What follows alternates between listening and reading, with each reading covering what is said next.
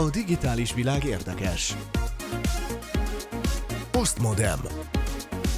Informatikai régiség a Postmodem új szignáljában. Kapcsoljuk a digitális muzeológust, mi történt a Bletchley Parkban. Újabb magyar sikerek az informatikai diákolimpián, megszólal a csapatvezetője. Kiborg állatok vagy rovarszerű robotok, meg a bogaras tudósok. Különbség a virtuális és kiterjesztett valóság között, a chip hiányokai, és megbeszéljük a magyar elkereskedelem napját is.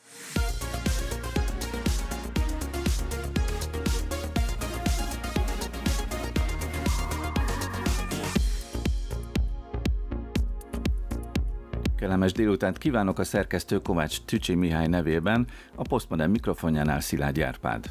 Az asztaltársaságunkban ma Justin Viktor tudományos újságíró, az Agroinform munkatársa, Kovács Tücsi Mihály szifíró, blogger, a Galaktika tudományos szerkesztője, Keleti Artur kiberbiztonsági szakértő, az Informatikai Biztonság Napja alapítója, dr. Pintér Robert információs társadalom kutató, a Corvinus Egyetem adjunktusa, Képes Gábor digitális múzeológus, a Neumann Társaság marketing igazgatója, és dr. Bódi Zoltán netnyelvész, a Magyarság Kutató Intézet főmunkatársa.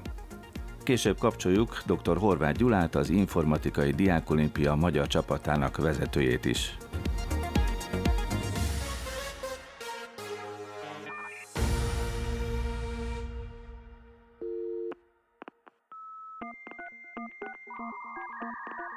you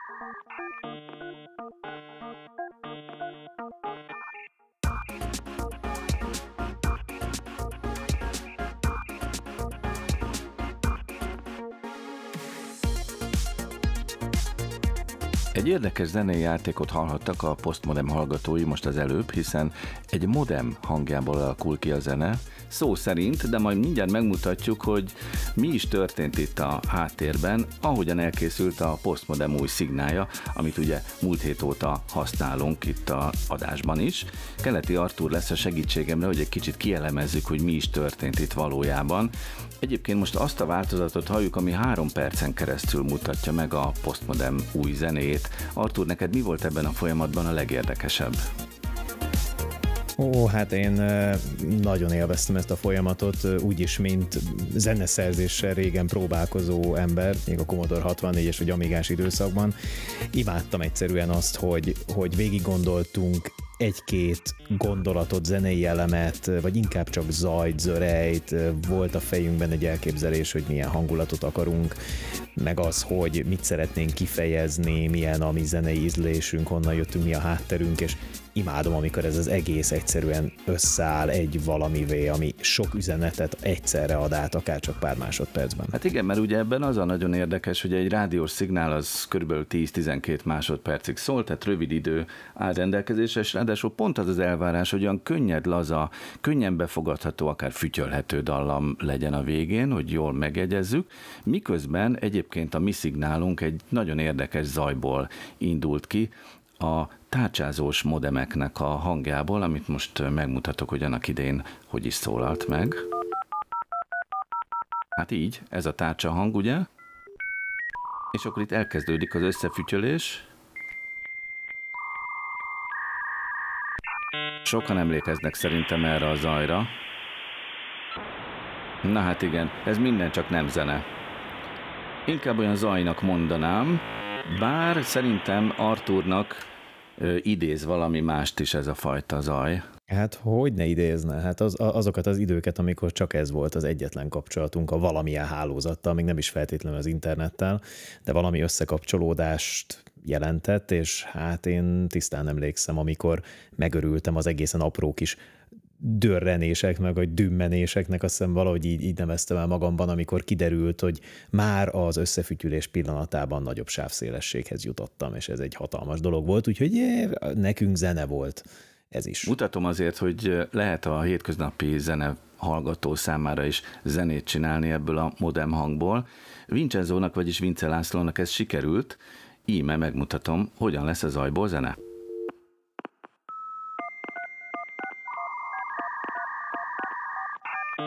Ugye itt hallatszik, hogy tempója van már.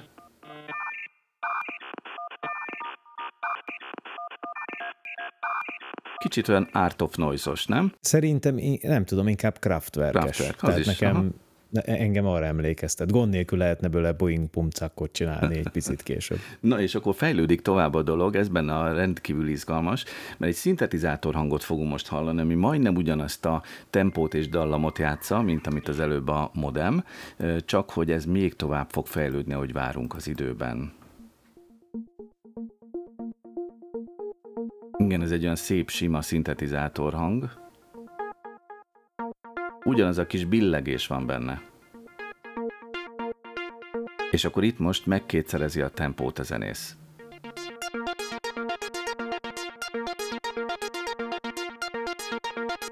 Egyébként ez a hangzás, ez Nekem egy picit Jean-Michel vagy arra felé visz, kicsit ugye a lézer felé, ahogy, ahogy ebből a lefolytott, kicsit ilyen leburkolt hangból szépen kieresztjük, élesebb lesz, és, és olyan tágabb lesz a tér vele, illetve elég gyakran lehet hallani ezt a fajta szintetizátor hangot a különböző demo, demonstrációs, ilyen PC-s, vagy 8 bites, vagy éppen amigás zenékben, tehát ez is egy kicsit itt a digitális zenei világot idézi.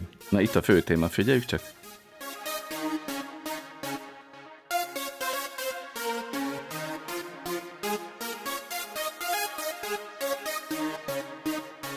Ebbe is ugye az érdekes, hogy az alaphoz mindenképpen van valamilyen viszonya, tehát ami a modemből készült, arra játszotta rá már a zenészünk ezt a fő témát.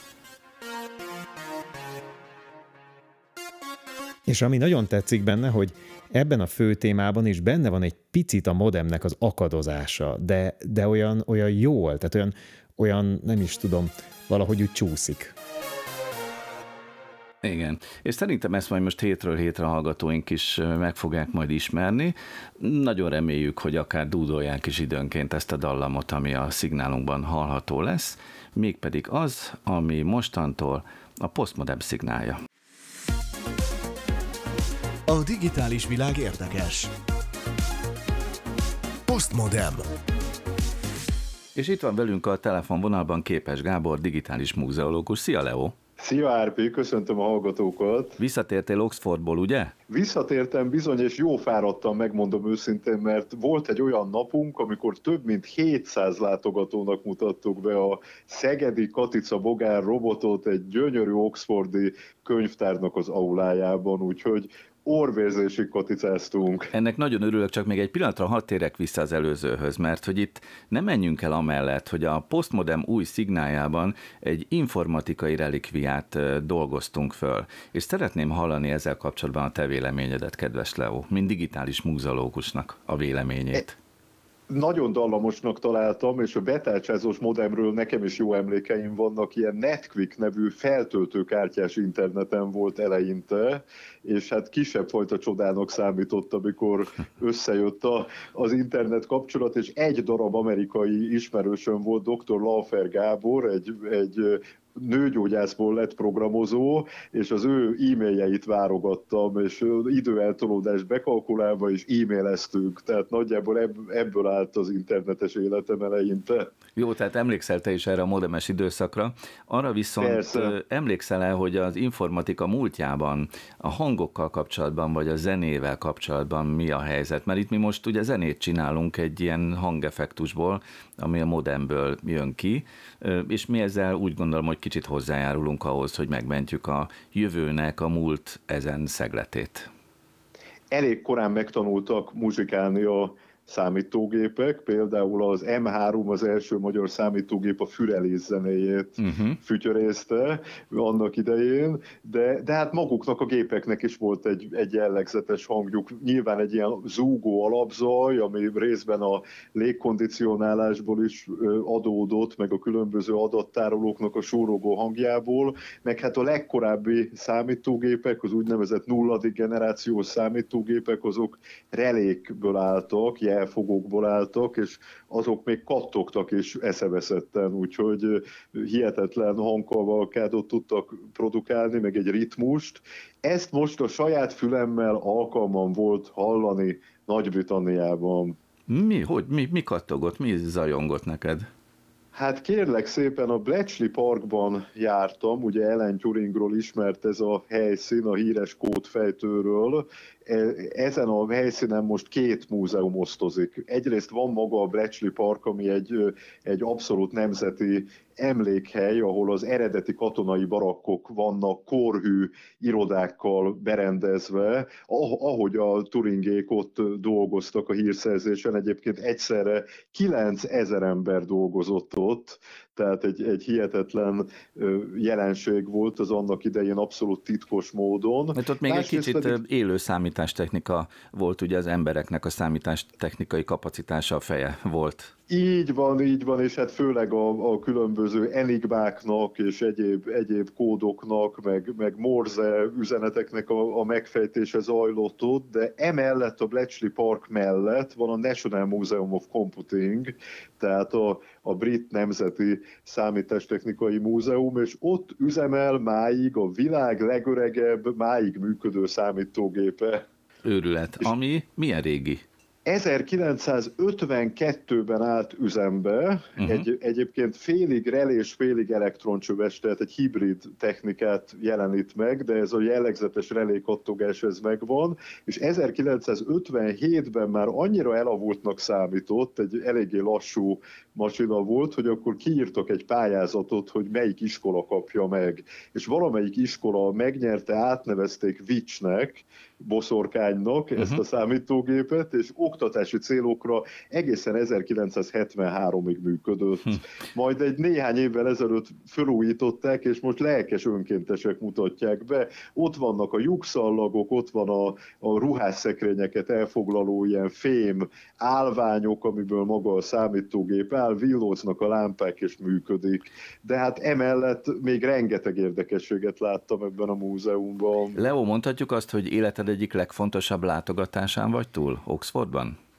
Igen, éppen a német Krisztián barátommal beszéltük a műegyetem munkatársával, mert minket kettőnket vitt ki Ursula Martin professzor, és mutatta meg ezt a két múzeumot. Én a Neumann Társaságot képviseltem, a Krisztián a műegyetemet, hogy a bakancslistánkról kipipálhatunk valamit, mert tényleg egy álom teljesült. És mit szóltak a Katicához, a magyar mesterséges intelligencia kezdeményhez, ami ugye ez az 50-es években készült? 50-es évek közepén második felének elején készült 56-57-ben, ahogy azt az előző adásban is elmondtam, és nagyon meglepte a látogatókat. Mondanom sem kell, hogy akadtak magyar turisták Oxfordban is, tehát találkoztunk magyar érdeklődőkkel, de hát nyilván a, a túlnyomó többség brit volt, és nagyon csodálkoztak azon, hogy a vasfüggöny mögött, ilyen érdekes állatmodell készült. Picit nehéz volt elmondani, hogy mi a funkciója egy állatmodellnek.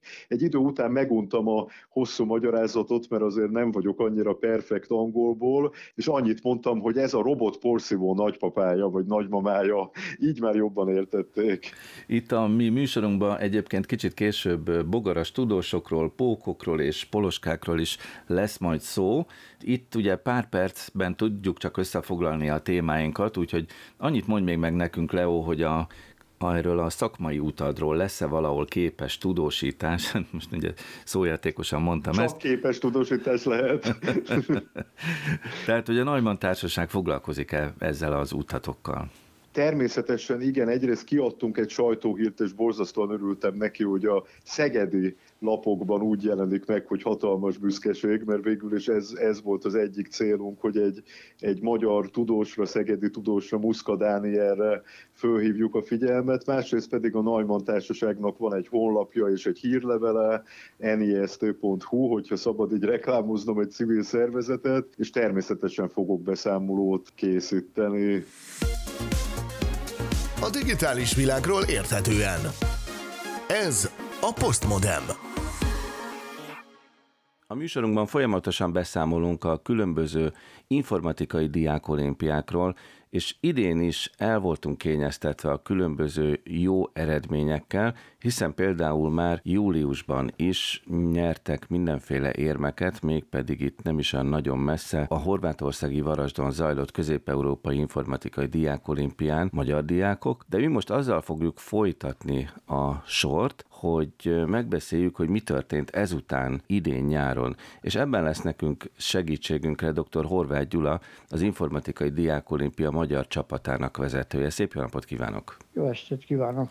És arra szeretném kérni, Gyula, hogy először segítsen nekünk egy kicsit megérteni, hogy hol helyezkedik el ez az augusztusi verseny, aminek ugye az a címe, hogy Nemzetközi Informatikai Diákolimpia. Tehát a többi verseny sorába hogyan illeszthető be? Ez a világon a legrangosabb tudományos verseny, amely középiskolások számára a verseny, és a célja az, hogy a fiatalok bemutassák azt a képességüket, hogy hogyan tudnak megoldani problémákat, mégpedig úgy, hogy hatékony algoritmust készítenek rá, és ezt program formájában kell beadni a verseny során, amit aztán automatikusan értékelnek. Tehát ez a tulajdonképpen programozási versenynek is nevezhetnénk szélesebb értelemben, de bár valójában inkább helyesebb azt mondani, hogy algoritmikus probléma megoldó verseny. Ez a legrangosabb a világon, ezt mindenki elismeri, tehát senki nem vonja kétségbe, hogy ez a tényleg a csúcsa a fiatalok számára rendezett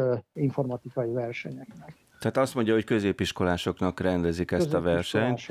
igen. Nagyon komoly szabályzata van ennek a, a versenynek, előírják azt, hogy ki lehet tagja a csapatnak, hogy az országban kell, hogy legyen egy válogatóverseny, amelyben kiválogatják a négy fős csapatot, mert négy fős, de nem csapatverseny, hanem egyéni verseny. Ugye más ver, vannak regionális versenyek, amit említett, ugye a Közép-Európai Informatikai Diák Olimpia, ugye a Horvátországban volt az idén, ahol nagyon szépen szerepeltek a versenyzők. Egyébként ugyanaz a négy versenyző volt most eh, véletlenül. Mi elvünk az, hogy a Közép-Európai Diák Olimpiára a fiatalokat nevezzük, tehát a korhatár az a 11. osztály. De most a, a 11-esek, sőt, ugye volt a 9-es versenyző is, ugye, aki nagyon szépen szerepelt, tehát nagyon fiatal. Nem is volt még ilyen fiatal versenyzők egyébként, uh-huh. a olimpiák történetben, mint az idén. Canik Pál, a nevét is érdemes megemlíteni, ő volt a legfiatalabb idáig a magyar csapat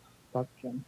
Hogyan látja, hogy mi adja a nehézségét ezeknek a versenyeknek? Időre kell csinálni feladatot, vagy pedig maga a feladat nehéz? Maga a feladat is nehéz, de az igazi nehézséget az okozza, hogy nem csak egy elvileg helyes algoritmus, tehát hogy elvileg helyes legyen az a program, hanem hatékony is legyen. Tehát nem mindegy, hogy mennyi idő alatt oldja meg. Tehát nagyon szigorú ebben a tekintetben az értékelés, mert mérik a futás idejét a programnak, és hogyha az a határnál nagyobb, akkor nem kap pontot arra a teszt esetre. Mi volt egyébként a feladat? Mit kellett programozni? Sok, többféle feladat van. Általában hétköznapi problémaként fogalmazzák meg. Az egyik feladat például olyan volt, hogy hogyan kell a stégeket készíteni ahhoz, hogyha tudjuk, ismerjük a halaknak a viselkedését, a mozgását, akkor a legtöbb halat fogják. Tehát valami ilyesmi szövege van a feladatnak, amiből nekik le kell vonni a lényeget, tehát meg kell adni a modelljét ennek a problémának, ami nagyon gyakran komoly matematikai apparátust igényel, tehát igazából azok érnek el jó eredményt, akik matematikával is nagyon jó. Tehát nem pusztán programozás versenyez, nem elég az, hogyha valaki tud, jól tud programozni, mert a probléma hatékony megoldásához nagyon sokszor komoly hát összefüggéseket kell kideríteni, és ehhez olyan készség is kell, tehát matematikai készség is. Mi az utóélete ezeknek a versenyeknek? Tehát innentől kezdve, hogyha valaki elér egy ilyen szép eredményt, akkor egyenes útja van mondjuk egy informatikai céghez, vezető informatikai beosztásba a, kerülni? A, a világ tech cégek azok figyelemmel kísérik ezeket a versenyeket, és nagyon előszeretettel alkalmaznak olyanokat, akik versenyen jól szerepeltek. Nyilván középiskolások révén szó itt nem közvetlenül fogják alkalmazni, elsősorban az egyetemek azok, akik hát árus szemmel figyelik, és szívesen vesznek fel olyan diákokat, akik a diák olimpián jól szerepeltek. Nagyon gyakori volt az utóbbi években, talán túlságosan is, hogy a versenyzőink közül legalább a fele az általában külföldön folytatta Cambridge-ben főleg a tanulmányait. Idén folytatódik még az informatikai diák olimpiák sora? Lesz verseny, igen, lesz junior verseny, ahol 15 év a korhatár, és az egyik versenyzőnk, amit említettem a Canik Pált, ugye ő már az idén a harmadik alkalommal fog részt venni ilyen versenyez. Ez most online lesz, mert a ukrán olympiának szervezik, és ez, ez onnan lesz, és aztán lesz még lányoknak is egy olimpiája október második hetében. Viszonylag új szerveződés, más, most lesz másodszor a lányoknak külön verseny. Köszönöm szépen Horváth Gyulának és diákjainak is gratulálunk, és reméljük, hogy ez a sor szépen folytatódik majd jövőre is, meg hát utána is, amikor csak kell. Diákolimpiákra érdemes lesz odafigyelnünk, hiszen magyar siker az informatikában. A digitális világról érthetően. Ez a Postmodem. Egy rovarról már volt szó a mai műsorban, mégpedig egy katicáról, ami ugye az 50-es évek második felében készült Magyarországon, és mondjuk így, hogy a mesterséges intelligencia egyik előzményének tekinthető magyar kibernetikusok készítették. De hát úgy látszik, hogy bogaras tudósokból még van mára, Kovács Tücsi Mihály a szó, aki mindenféle egyéb rovarokat is hozott a mai műsorba. Igen, gondolom ti is láttatok már otthon döglött pókot, és mindig van egy érdekes dolog, hogy a pókok úgy hallnak meg, hogy így összegömbölyödnek. Uh-huh. Tehát sosem az, hogy egy kiterített lábakkal, hanem így össze vannak gömbölyödve. Erre figyeltek föl a tudósok is, hogy ez vajon miért van, és kitalálták a Rice Egyetem mérnökei, megalapítottak egy új kutatási területet, ami nekrorobotikának hívnak.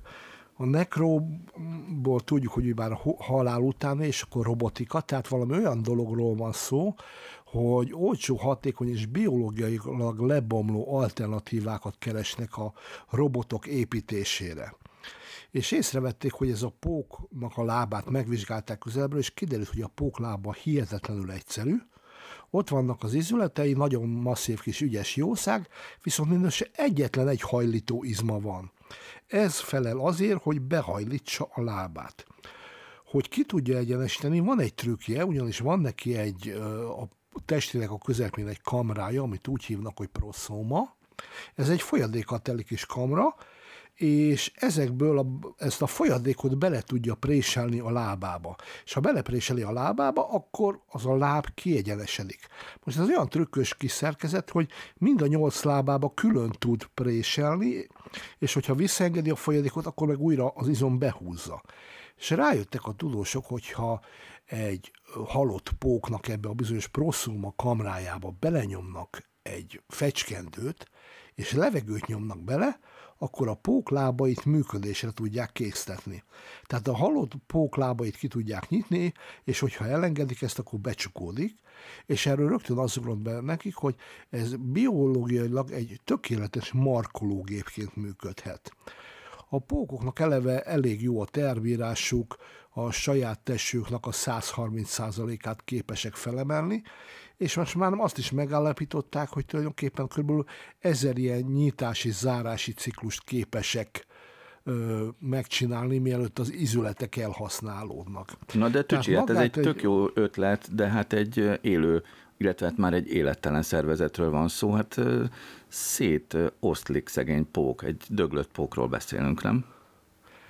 Igen, de úgy látszik, hogy ez a része azért eléggé maradandó ahhoz, hogy uh-huh. egy ideig jó tudjon működni, és hogyha úgy, úgy nézzük, hogy nem kell, gyakorlatilag szinte ingyen van, és nem kell ezeket a mikrostruktúrákat kifejleszteti gépekkel. Tehát gondolj bele, hogy ugyanez robotokkal úgy működik, hogy külön ö, rendszer nyitja a lábat, külön csukja a lábat, itt pedig kell egy pici pumpa és kész. Tehát e, ebből kiindulva tényleg nagyon egyszerűen használható dolog. Az, hogy állatokat használunk valamilyen célra, hát végül is az nem egy olyan dolog, hiszen hogyha belegondolunk, amióta az első velős csonttal az egyik ősember agyonütötte a másikat, azóta használunk halott állatokat, nem beszélve arról, hogy az írhájukba öldözködünk évezredeken keresztül. Tehát ez nem annyira áll távol a mindennapi valóságunktól, talán egy kicsit szokatlan ez a megoldás, hogy hogyan lehet így egy pókot a, a halála után használni. Hát gondolom, hogy az állatvédőknek egy kicsit más lenne erről a véleménye, de ezt csak zárójelben mondtam. Hát igen, végül is, de hát halott pók már nincs olyan túl sok halál utáni joga nincs egy szegény póknak, úgyhogy meglátjuk, hogy mi lesz. Tehát akkor Viszont összefoglalva, másik... Tücsi, mik az előnyei ennek? Tehát, hogy rugalmasabban használhatók ezek a póklábak, és nagy a teherbírása, meg mi miatt érdemes ezzel foglalkozni? mert hihetetlenül egyszerű a működése, és gyakorlatilag ingyen van. Aha. Hm. És akkor ezt hogy, mire tudják felhasználni? Pici markolóként, tehát hogyha létrehoznak olyan robotokat, amelyek ilyen biológiai alapú, alapúak, ezeket a póklábszerű rendszereket markolásra tudják használni, tehát mindegy kézzel fogni tudnak vele, vagy mint az a klasszikus, a roncstelepeken látható ilyen többkarmú markolóként, hogy valami dolgot föl lehessen emelni, arra teljesen jól működhet. Uh-huh. És mi a másik fejlesztés? Van itt még, a másik fejlesztés, hogy emlékeztek annak idején a 90-es években az ötödik elem című filmre, Hogyne?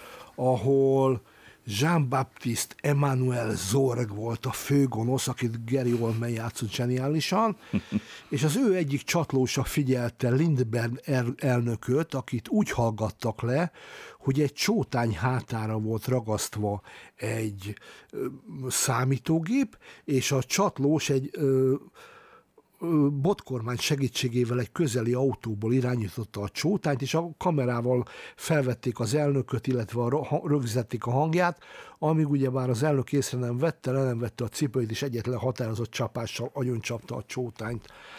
Ez a csótán úgy néz ki, nagyon határozottan mozgatja az emberek fantáziáját, különösen a kutatókét, eleve azért, mivel a, ha jobban megnézzük a természetnek az egyik tökéletes produktuma, több millió éves fejlődés után is kialakult egy olyan tökéletes struktúra, ami már sok-sok millió éve nem változott, mert elére, elérte a tökéletes szintet, és a japán Raiken CPR kutatóinak sikerült egy újfajta távirányítási módszert kitalálniuk, 3D nyomtatással létrehoztak ultravékony organikus napelemeket, illetve kicsi számítógép egységeket, amit egész egyszerűen rá ragasztanak a csótány hátára.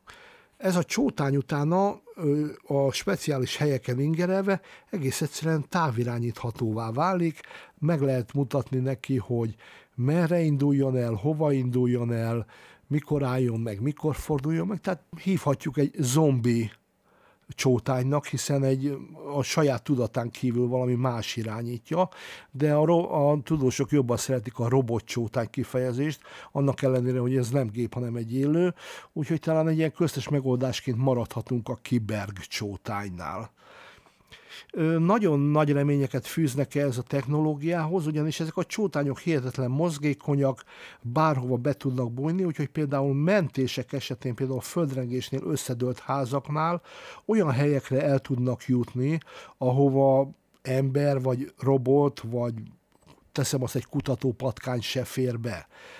A hozzátartozó elektronika nagyon vékony, és kitaláltak egy olyan újfajta rögzítési módot, ami nem akadályozza meg a csótánynak a mozgását.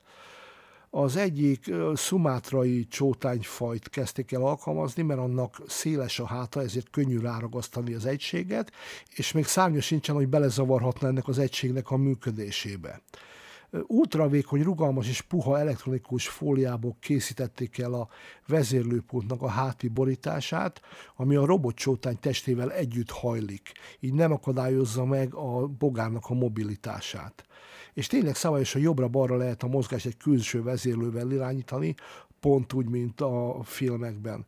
És van még egy nagyon érdekes, hogy ugye már a beépített akkumulátornak viszonylag kevés volt a, a használhatósága, de kifejlesztettek mellé egy olyan hajlékony napelemet, amelyik segítségével akár menet közben is folyamatosan lehet tölteni ezt az akkumulátort, így maga az egységnek az élettartama nagyságrendi szinten megnőtt. A digitális világ érdekes. Postmodem.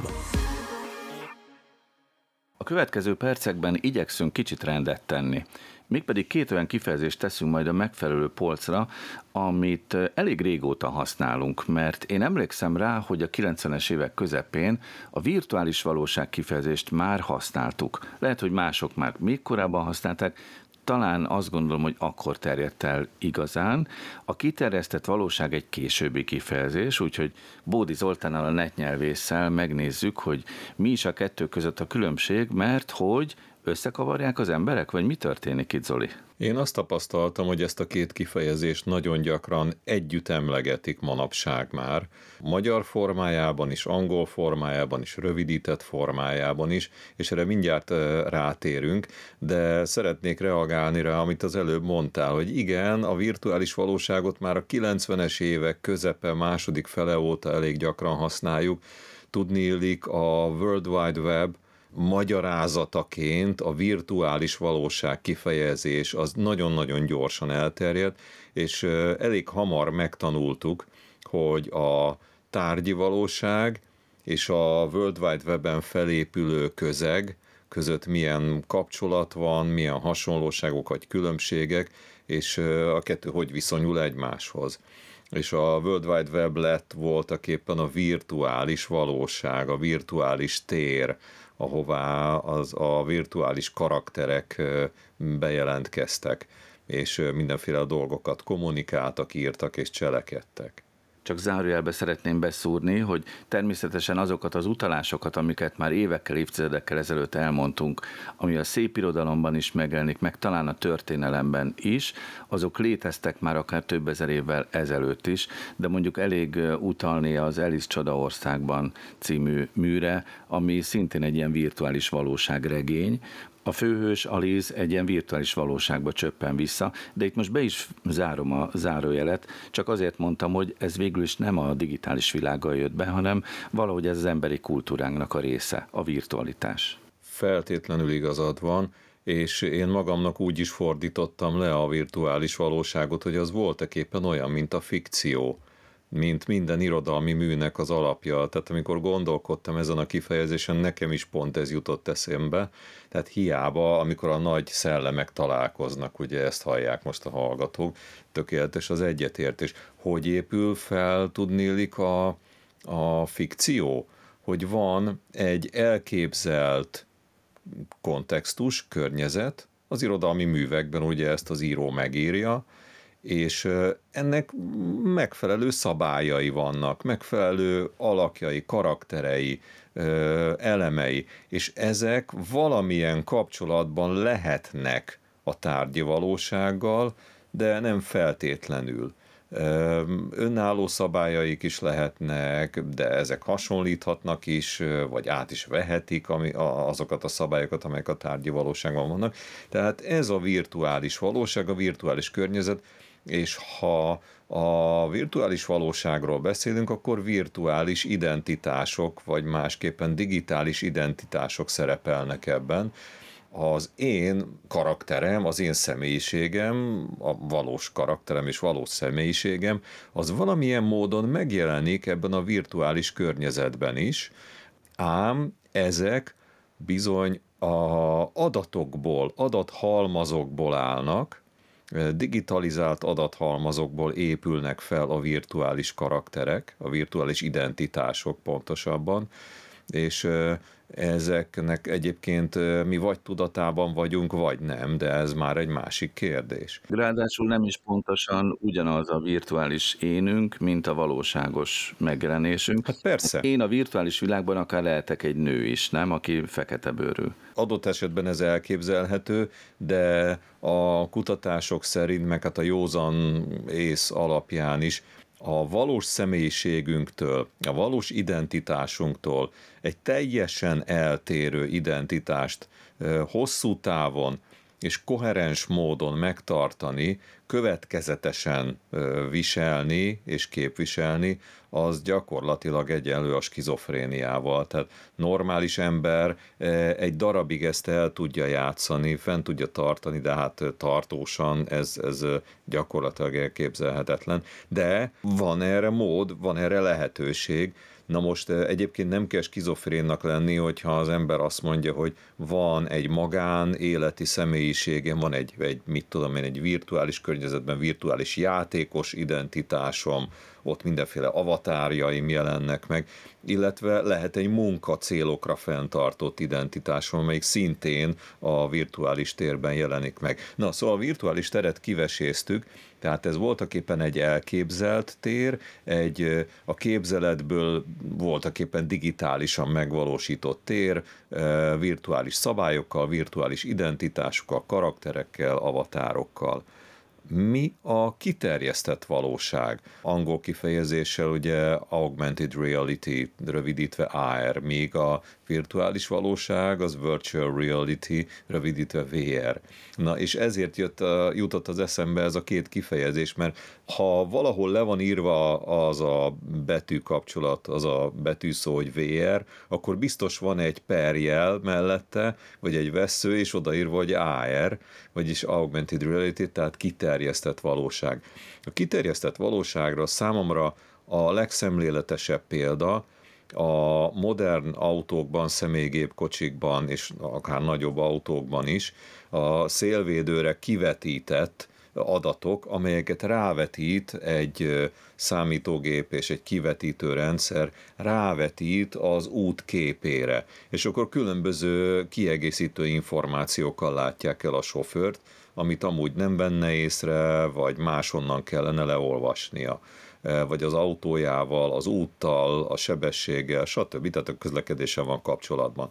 Tehát a kiterjesztett valóság az a tárgyi valóságról alkotott kép, akár egy jellemzően ugye digitalizált kép, erre rávetített digitális információkból összeálló valóságkép.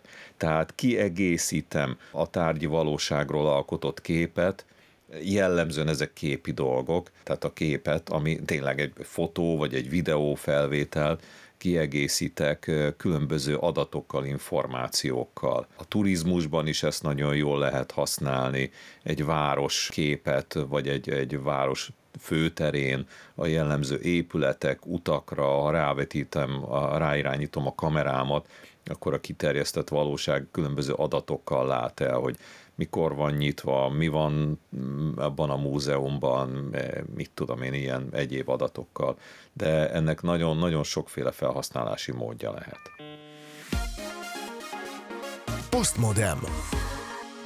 Most, hogy tisztába tettük, hogy mi a különbség a virtuális valóság és a kiterjesztett valóság között, csöppenjünk vissza az igazi valóságunkba, ahol nagyjából két éve elkezdődött ez a hatalmas világjárvány, és egyúttal ezzel járt együtt időben egy csiphiány a világgazdaságban. Te ezt tapasztaltad, Viktor? Volt valami olyan szituáció, amiben problémát jelentett a csiphiány, ami a világ elektronikai gyártásában tapasztalható volt? Nem, hogy volt, de van.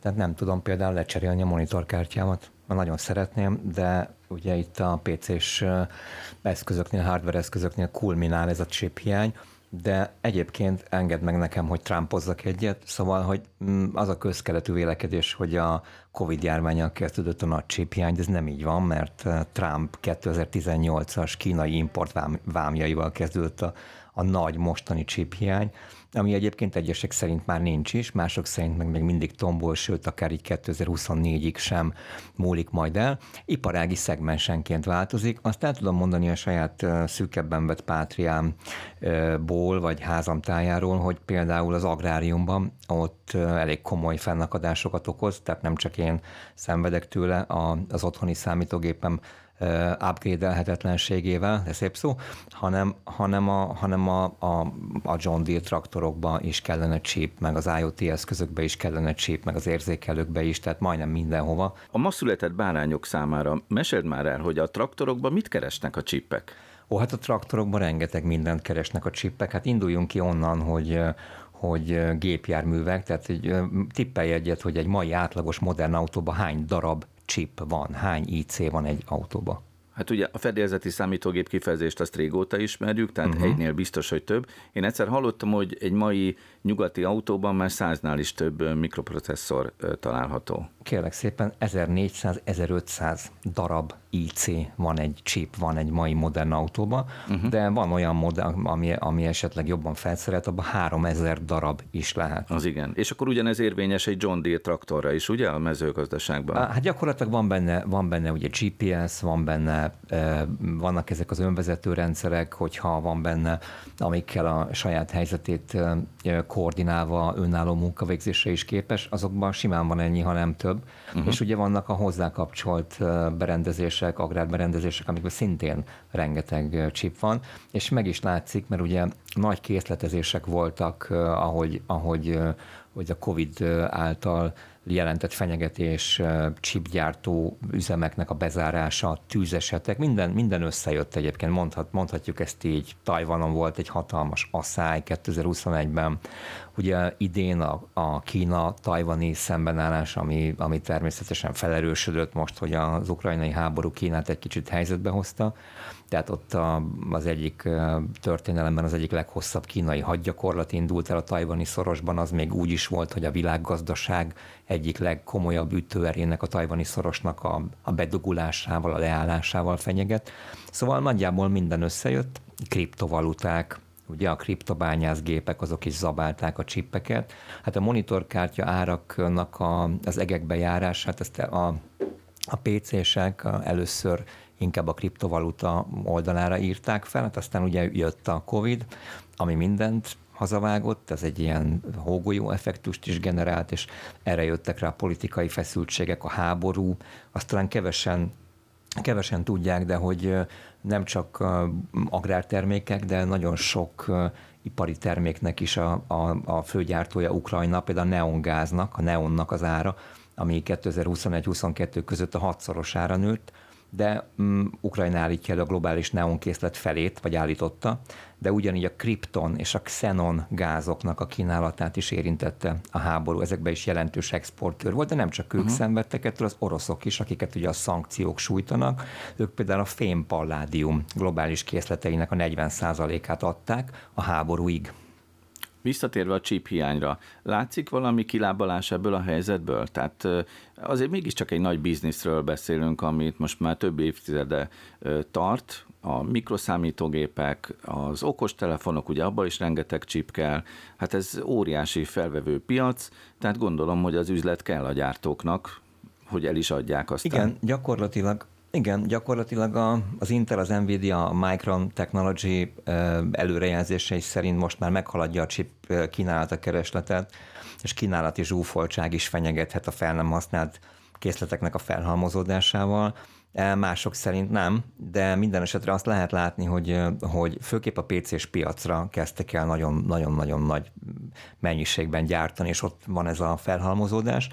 Viszont ugyanakkor ugye az is történik, hogy a vége a, vége a home office konjunktúrának, az emberek visszatérnek az irodákba, iskolákba, és ezt, ezért aztán már nincs akkora szükség az otthoni negyedik számítógépre vagy laptopra, Ugyanakkor a Jabilnak az elemzése alapján, ami egy nagyobb elemző cég, a legalább 2023-ig azért korlátozott lesz a piac, és itt nem csak számítógépes csippekről van szó, itt mikrokontrollerekről, van szó FPGA-król, ezek a, ezek a felhasználás helyén programozható logikai kapumátrixok, amik programozható kis áramkörökből álló áramkörök, és mindezeknek a piaca 2022-ben még erősen szűkös, holott közben, időközben meg soha nem volt még nagyobb kereslet a félvezetőkre. Tehát a dolgok internet, az IoT, az 5G hálózatok növekedése, okostelefonok, az emlegetett járműipar, autóipar, gépipar, és, a, és ezeknek a villamosítása. Tehát a villamosítás ugye azt jelenti, hogy chip dumping kellene ide,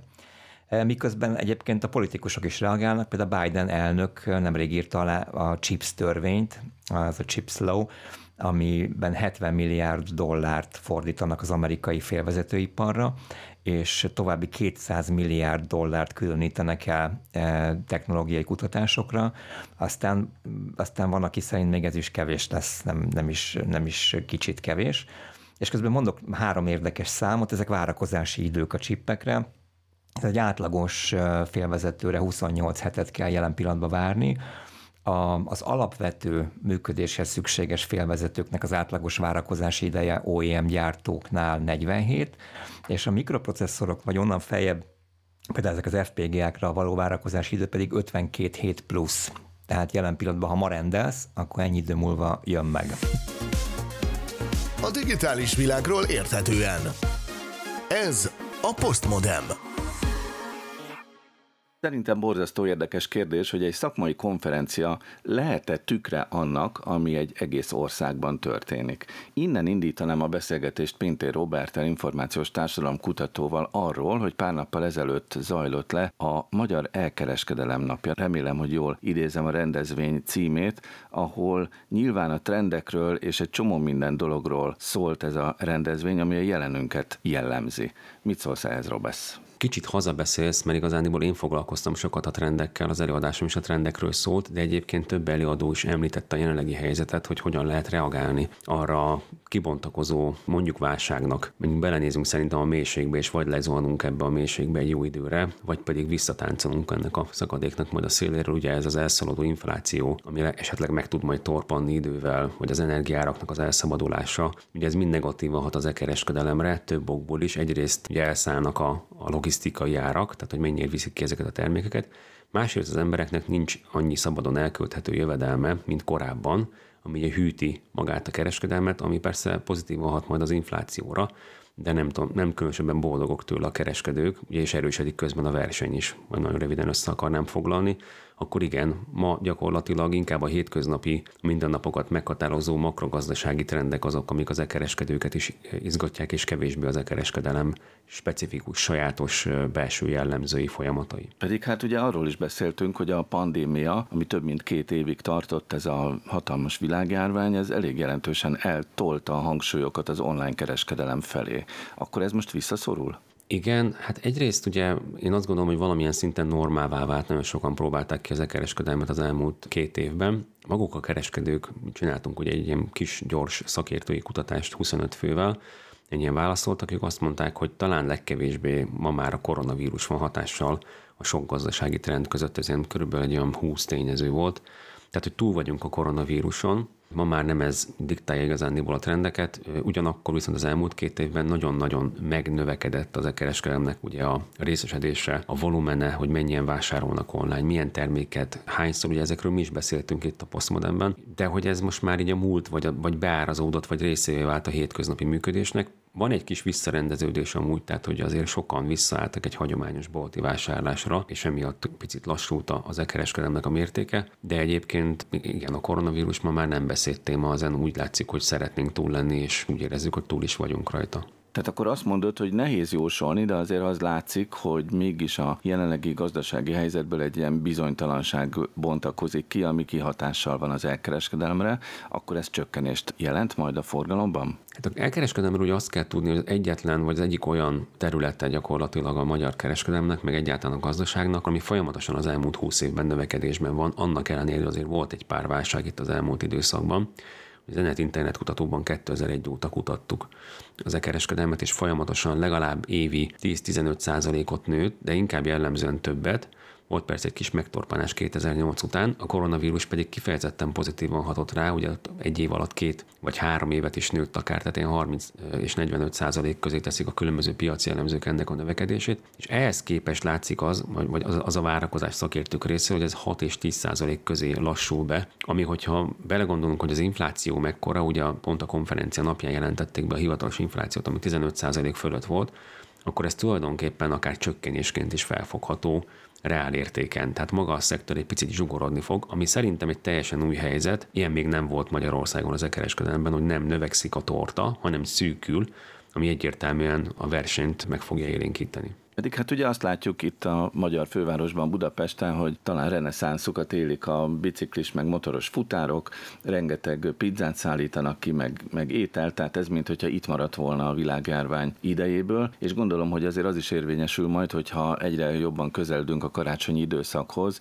ismét megélénkülhet az ajándékvásárlása a neten keresztül. Ezek a trendek azért hosszabb távon megmaradnak majd velünk, nem? Nem tudjuk. Igazániból nehéz jósolni, elég sok a bizonytalanság, gazdaság. Egy válaszadónk így foglalta ezt össze, hogy nem tudni igazándiból, hogy most recesszióba fordul a gazdaság vagy sem, hogy megkapjuk az Európai Uniós támogatásokat vagy sem, és ugye elnékül nehéz jósolni. Valószínűleg az idei évet még fél lábon kihúzzák az emberek, de ez a karácsonyi időszak már szerényebb lesz, mint az előző években, és inkább egy ilyen nagyobb beszakadást azt jövő év első felében lehet talán várni, mert addigra megjönnek majd az első igazi téli resi számlák, és lekerül a benzinársapka, és valószínűleg kivezetik a hitelmoratómiumot, és azért ennek masszív hatása lesz a fogyasztói keresletre. Tehát, hogy egyáltalán nem biztos, hogy annyira rózsás a helyzet, de nem tudni, mert lehet, hogy ezek megoldódnak lesznek ezek a problémák, vagy átmenetiek lesznek, és akkor viszont minden vissza tud állni egy viszonylag normális kerékvágásba jövő év első felétől kezdve. Emiatt aztán nem tudják a kereskedők, hogy akkor, meg a vásárlók se szerintem, hogy most, most mi az, ami várható, akár közép vagy hosszú távon. Látszik a te látószögedből az, hogy melyik az a terület, ahol viszont érdemes mégis elkezdeni mozogni az elkereskedelem területén. Tehát nem tudom, én az ételfutárokat említettem az előbb, de hát jó néhány más terméket is lehet vásárolni online boltokban, webes kereskedéssel. Látszik-e egyfajta ilyen trend, ahol mégis van valami pozitív trend? Igen, egyértelműen látszik, bár én nem termékkategóriát emelnék ki, hanem inkább minden ilyen időszak, tehát ilyen nehezebb vagy kívásokkal teli időszak, valójában a fejlesztésnek a szükségességéről szól, és nagyon nagy pesgés és mozgás van a logisztika területén. Valójában az e-kereskedelemnek a túlnyomó része, a sikeres e-kereskedelemnek a túlnyomó része az logisztika. Azt gondolják sokan, hogy ez egy IT, ez egy webshop fejlesztési kérdés, hogy ez egy kötelező házi feladat, hogy az jó legyen, aztán sokan azt gondolják, hogy ez egy marketing kérdés, hiszen valahogy el kell jutni a fogyasztókhoz, meg kell ismertetni magunkat vele. De szerintem ez is egy kötelező házi feladat, és onnantól kezdve az, hogy ez hatékony vagy profitábilis lesz az azon múlik, hogy hogyan készítik össze a termékeket, ben vannak-e a termékek a raktárba, hogyan szállítják ki ez a bizonyos last mile utolsó kilométer, ez mennyire hatékonyan zölden van kiszolgálva. És ebből a szempontból már tavasszal, amikor elkezdtük ezt a trendkutatást a Kürt Akadémiával és a Reaktív Digitállal közösen, akkor azt láttuk, hogy a csomagautomaták az a legfontosabb trend, amit 2022-re várnak. A csomagautomaták elterjedése, hogy elkezdik telepöttyözni az országot a különböző szolgáltatók, és most meg azt látjuk, hogy az úgynevezett fulfillment szolgáltatók, akik minden logisztikai feladatot átvesznek a kereskedőktől, tehát náluk van tárolva a termék, ott készítik össze, ott csomagolják be, ők veszik fel a kapcsolatot a futárral, esetleg még a visszáró is hozzájuk érkezik meg. Hogy ebben egy óriási pesgés van Magyarországon, új cégek jelentek meg, nagy a verseny, és ez jót tesz magának az e-kereskedelemnek is, mert sokkal hatékonyabban lehet csinálni. Ugye erre mondta ezt az e-kereskedelem e-commerce Hungary Magyarországi e-kereskedelmi szövetség kisvállalati tagozatának az egyik vezetője, hogy ő például leépítette a saját boltját, mindent kiszervezett, mert harmadáron kapott ajánlatot kiszervezett logisztikára ahhoz képest, hogy ők meg tudják csinálni. És ugye emiatt, hogy jön ez a válság, vagy bizonytalanság van, minden ilyen karcsúsítás alapvetően fontos a kereskedők számára, és most ott is tart egyébként a szolgáltatás, a logisztika Magyarországon, hogy ezt tudja is nyújtani, tehát itt szerintem egy nagyon érdekes, élénkülő verseny lesz, aminek a végeredménye fogyasztói szemszögből, hogy jobbak lesznek a kiszállítási idők, olcsóbb lesz a kiszállítás bizonyos szempontból, kényelmesebb, könnyebben elérhető lesz a 7, 7 napján, a nap 24 órájában csomagautomatában viszonylag sokan a lakhelyükhöz közel fogják tudni kérni ezeket a csomagokat, tehát hogy növekszik a minősége a szolgáltatásoknak. Ugye ez a versenyre is jó fog hatni, akik ezt nem tudják meglépni, ők valamilyen szinten hátrébb kerülnek, és akkor ők is fejleszteni fognak. Tehát hogy én azt látom, hogy itt van egy óriási pesgés vagy előrelépés e kereskedelemben jelenleg. Eddig tartott a mai Postmodem, jövő héten pénteken délután 4 órakor a hírek után ismét jövünk majd a következő műsorunkkal. Addig is látogatható a YouTube oldalunk, ahol visszakereshetőek a korábbi műsoraink. Köszönöm szépen a részvételt a mai műsorban Justin Viktornak, Kovács Tücsi Mihálynak, Keleti Artúrnak, dr. Pintér Robertnek, Képes Gábornak, dr. Bódi Zoltánnak és az Informatikai Diákolimpia magyar csapatának vezetőjének, dr. Horváth Gyulának. Szilágy Árpádot hallották a Postmodern mikrofonjánál, viszontlátásra a YouTube-on, viszonthallásra a Pátia Rádióban. Postmodern